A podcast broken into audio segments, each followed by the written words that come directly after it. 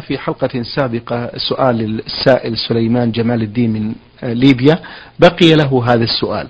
يقول هل تجوز قراءة القرآن بدون معلم أو شيخ؟ علما بأننا بحثنا في المدينة التي أسكن فيها ولم أجد من يعلمنا أحكام القرآن أو حفظ القرآن. أرشدون بهذا مأجورين. الحمد لله رب العالمين وأصلي وأسلم على نبينا محمد وعلى آله وأصحابه ومن تبعهم بإحسان إلى يوم الدين من نعمة الله سبحانه وتعالى على هذه الأمة ومن تمام حفظه لكتابه العزيز أن قيض للمسلمين هذه المصاحف الحمد لله. التي كتب فيه القرآن فيها القرآن وطبع فيها القرآن على وجه معرب تمام الإعراب في الحركات والسكنات والمدات وغير ذلك. وهذا داخل في قوله تعالى إنا نحن نزلنا الذكر وإنا له لحافظون. فإذا كان الإنسان باستطاعته أن يقرأ القرآن من هذه الصحف المعربة المشكولة ولو شق عليه ذلك ولو تتعتع فيه فإنه يجوز له أن يفعل وإن لم يكن له قارئ يقرئه. وقد ثبت عن النبي صلى الله عليه وعلى آله وسلم أنه قال الماهر بالقرآن مع السفرة الكرام البررة والذي يقرأ القرآن ويتشعتع فيه وهو عليه شاق له أجران. فأنت أخي السائل اقرأ القرآن وتهجه حرفا حرفا. وكلمة كلمة مع إتقان الحركات والسكنات وهذا كافي وفيه خير عظيم. ولك مع المشقة أجران كما قال النبي صلى الله عليه وعلى آله وسلم. وأما قراءة القرآن على وجه التجويد المعروف فإن ذلك ليس فإن ذلك ليس بواجب لأن التجويد إنما يراد به تحسين تحسين القراءة فقط وليس أمرا واجبا حتما يأثم الإنسان بتركه. بل الواجب الحتم أن يقيم الحركات والسكنات ويبرز الحروف. نعم. جزاكم الله خيرا. نعود إلى رسالة وصلت من السودان رمز لاسمه السائل بصاد ألف يقول أرجو من فضيلة الشيخ التكرم بالإجابة على أسئلتي. يقول مررت بظروف مالية صعبة وكان عندي بنت آه، عمرها سنة وماتت هذه الطفلة. يقول ولم يكن عندي ما أكفنها به ودفنتها بعد تغسيلها بما كان عندي وهو فستان على جسدها. فهل علي شيء وجزاكم الله خيرا؟ ليس عليك شيء. ما دام هذا الفستان ضافيا يغطي جسدها كله. فإن الكفن لا يشترط أن يكون من ثوب معين بل كل ثوب مباح ستر جسد الميت فإنه يجزئ التكفين به. وعلى هذا فإن عملك هذا ليس عليك فيه شيء وهو عمل يحصل به فرض الكفاية. نعم. بارك الله فيكم. له سؤال آخر يقول عندما كان شاب يقول كانوا يخرجون مع بعض الشباب إلى البر ويسرقون ما يجدون من ماعز أو بقر ويقومون بذبح هذا آه الذي سرقوه ويأكلونه. يقول الحمد لله تبنا إلى الله وهدانا إلى الطريق المستقيم. مع العلم بأن أصحاب هذه المواشي آه موجودون الآن وإذا صرحناهم قد تحصل مشاكل لا حد لها وبعضهم قد مات. ماذا نفعل فضيلة الشيخ؟ أفتونا مأجورين. الواجب عليكم وأنتم تعرفون من هي له هذه البقر والغنم أن تؤدوا المظالم إلى أهلها. فإن لم تفعلوا فسوف يأخذون هذه المظالم من أعمالكم يوم القيامة. وبذلك تكونون مفلسين. فقد حدث النبي صلى الله عليه وسلم ذلك فقد حدث النبي صلى الله عليه وعلى آله وسلم ذات يوم أصحابه قال من تعدون المفلس فيكم؟ قالوا من لا درهم عنده أظن ولا متاع. قال إن المفلس من يأتي يوم القيامة بحسنات مثال الجبال فيأتي وقد ظلم هذا وشتم هذا وأخذ مال هذا فيأخذ هذا من حسناته وهذا من حسناته وهذا من حسناته فإن لم يبق من حسناته شيء أخذ من سيئاتهم وطرح عليه ثم طرح في النار والمشاكل التي قد تحدث فيما لو صارحتموهم نعم. بأنكم سرقتم وهذا قيمة المسروق نعم. يمكن تلافيها بأن تعطوا قيمة هذا المسروق من تثقون به من الناس فيسلمها لهم. فإن هذا الذي تثقون به إذا كان من معارفهم فلن يتهموه بأنه هو الذي سرق. وفي هذه الحال أقول إنكم تعطونهم القيمة. لأن الرجوع إلى القيمة هنا قد يكون من الضرورة وإلا فإن الواجب على من أتلف حيوانا لشخص أن يرد عليه مثل هذا الحيوان. لأن الحيوان من الأشياء المثلية على القول الراجح من أقوال أهل العلم.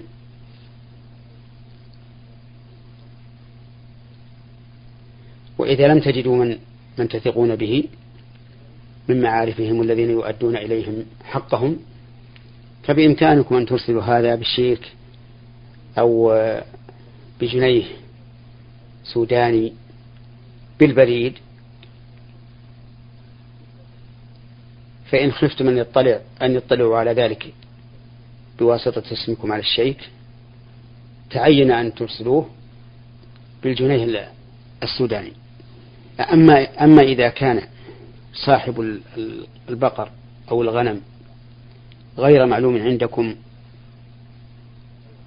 فإنكم تتصدقون بقيمة ذلك تخلصا مما في ذممكم ليكون أجره لصاحب البقر والغنم. نعم. بارك الله فيكم. السائل حمدي علي يقول أسأل عن إغماض العينين في الصلاة ما حكمه؟ ذكر أهل العلم أن إغماض العينين في الصلاة مكروه. والمشروع أن يكون الإنسان فاتح العينين وأن ينظر إلى محل سجوده إلا أن يكون هناك سبب لتغميض العينين مثل أن يكون أمامه مرائي تشغله فلا حرج عليه أن يغمض عينيه. والمرائي التي تشغله مثل أن يكون حوله صبيان يلعبون فلو فتح عينيه لوقع نظره عليهم واشتغل بهم فحينئذ لا بأس أن يغمض عينيه. فالقاعدة إذن أن تغميض العينين مكروه لكن إذا كان هناك سبب يقتضي ذلك لم يكن مكروها. نعم. بارك الله فيكم. سجود التلاوة هل له سلام؟ وكيف لو كانت السجدة في آخر السورة؟ والرجل يصلي هل يركع أم يسجد وماذا عليه لو ترك ذلك سواء في الصلاة أو في خارجها. سجود التلاوة سنة مؤكدة إذا مر الإنسان بآية السجدة في أي وقت كان في الصباح أو المساء أو الظهر أو في الليل أو في أي مكان أو في أي زمان وليس وليست بواجبة. لأنه ثبت عن النبي صلى الله عليه وعلى آله وسلم أن زيد بن ثابت قرأ عليه صلى الله عليه وسلم سورة النجم فلم يسجد فيها. ولو كانت ولو كان السجود واجبا لأمره النبي صلى الله عليه وعلى آله وسلم أن يسجد.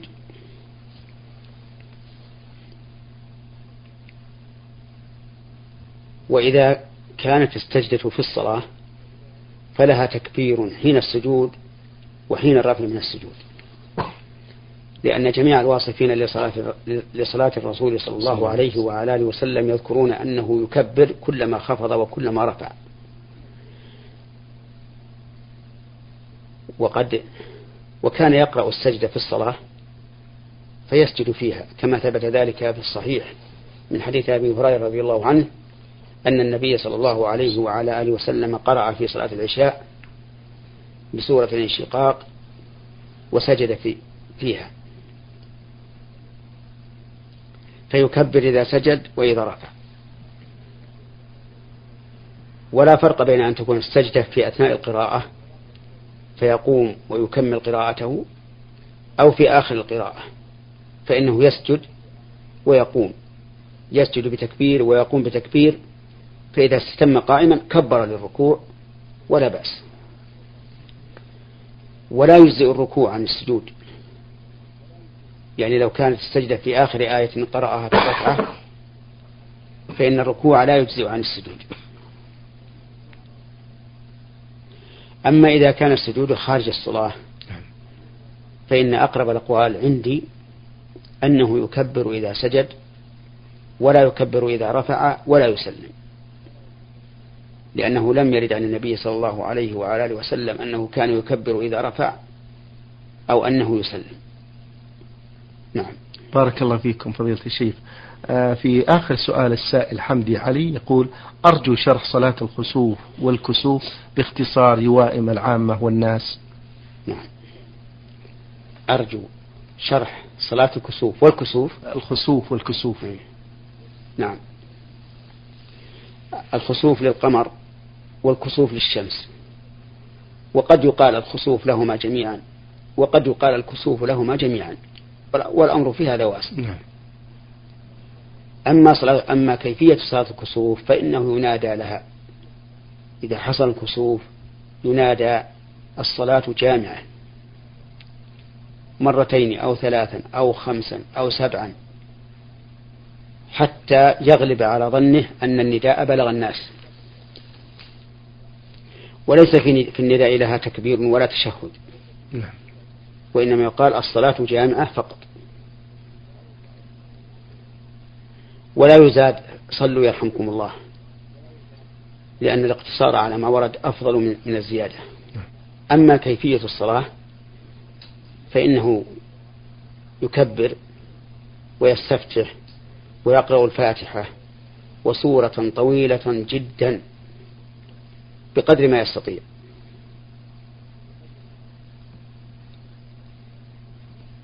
حتى جاء في بعض الروايات أن النبي صلى الله عليه وعلى آله وسلم قرأ فيها بنحو سورة البقرة.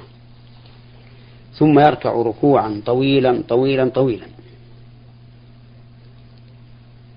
يسبح الله فيه ويعظمه. يقول سبحان ربي العظيم سبحان ذي الجبروت سبحان ذي الملكوت سبحان ذي العظمة. ويكثر من تعظيم الله عز وجل. بقول النبي صلى الله عليه وعلى آله وسلم أما الركوع فعظموا فيه الرب. سبحانك اللهم ربنا وبحمدك اللهم اغفر لي. سبوح قدوس رب الملائكة والروح. المهم نعم. أنه يأتي بكل ما ورد من تعظيم الله عز وجل. سبحانه وتعالى. ثم يرفع رأسه قائلا سمع الله لمن حمده ربنا ولك الحمد. ثم يقرأ الفاتحة. وسورة طويلة طويلة طويلة لكنها دون الأولى. ثم يركع ركوعا طويلا طويلا يكثر فيه من تعظيم الله عز وجل إلا أنه دون الركوع الأول. ثم يرفع رأسه قائلا سمع الله لمن حمده ربنا ولك الحمد. ويقوم قياما طويلا طويلا طويلا بقدر ركوعه. وهو يسبح الله ويحمد الله ويثني عليه. ولو كرر ذلك فلا بأس. ثم يسجد سجودا طويلا طويلا جدا بقدر الركوع. يكثر فيه من التسبيح سبحان ربي الأعلى ومن الدعاء. لأن النبي صلى الله عليه وعلى آله وسلم قال وأما السجود فأكثر فيه من الدعاء فقمن أن يستجاب لكم. ثم يرفع من السجدة الأولى ويجلس بين السجدتين جلوسا طويلا طويلا طويلا بقدر السجود. يدعو فيه بما أحب. رب اغفر لي وارحمني وعافني واجبرني واهدني ويسر أمري واشرح صدري وما شاء من الدعاء. ثم يسجد. السجدة الثانية سجدة طويلة طويلة طويلة كالأولى. ثم يقوم فيقرأ الفاتحة. وسورة طويلة طويلة لكنها دون الأولى. ثم يركع ركوعا طويلا طويلا لكنه دون الأول. ثم يرفع فيقرأ الفاتحة وسورة طويلة طويلة لكنها دون الأولى.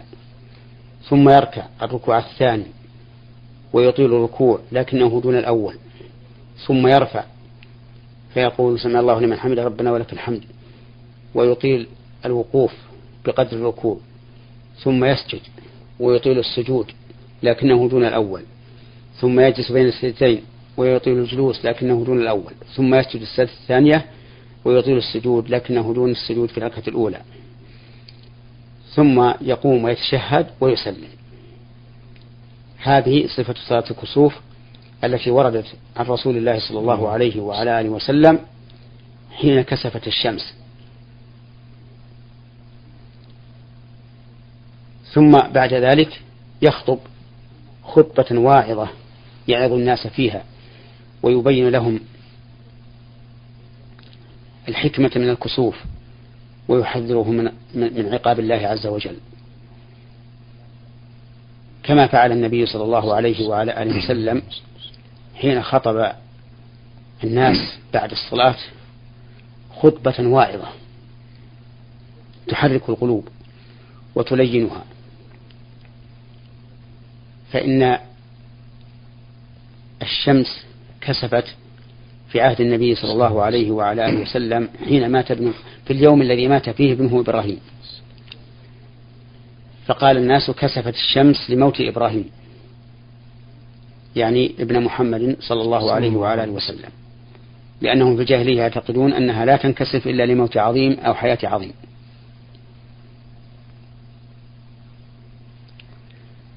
ولكن النبي صلى الله عليه وعلى آله وسلم بين لهم أن هذه عقيدة فاسدة.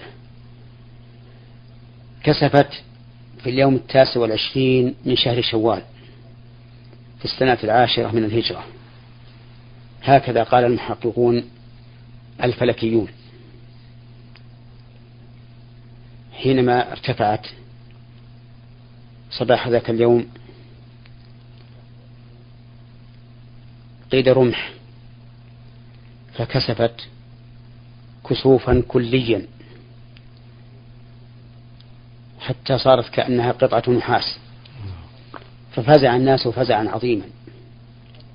حتى إن رسول الله صلى الله عليه وسلم خرج فزعا عجلا. يجر رداءه صلوات الله وسلامه عليه حتى لحق به. وأقام الصلاة. وفي مقامه هذا عرضت عليه الجنة والنار. ورأى ما فيهما. فحين عرضت عليه الجنة عرض له عنقود من من العنب فتقدم ليأخذ منه ثم بدأ له ألا يفعل عليه الصلاة والسلام. وعرضت عليه النار حتى تأخر عليه الصلاة والسلام. خاف أن يصيبه من لفعها. وكان يوم مشهودا عظيما. فزع فيه الناس فزعا عظيما. وبه يدرك المرء شأن الكسوف وأنه يجب أن يهتم به الناس وأن من السنة أن يفزعوا فزعا مع الخوف من الله عز وجل. ولهذا أمر النبي صلى الله عليه وعلى آله وسلم إذا حدث كسوف أن يفزع الناس إلى الصلاة والذكر والصدقة والعتق. كل هذا خوفا من نزول عذاب أنذر الله منه عباده بهذا الكسوف. نسأل الله سبحانه وتعالى أن يرينا آياته على وجه نتعظ بها ونعتبر بها آمين. إنه على كل شيء قدير. اللهم آمين. بارك الله فيكم فضيلة الشيخ. السائل يقول في هذا السؤال هل يجب على المرأة أن تلبس شراب بأرجلها إذا أرادت الحج أو العمرة؟ لا يلزمها ذلك طيب. لكن تستر قدميها بثوب طويل يكون ضافيا على القدمين.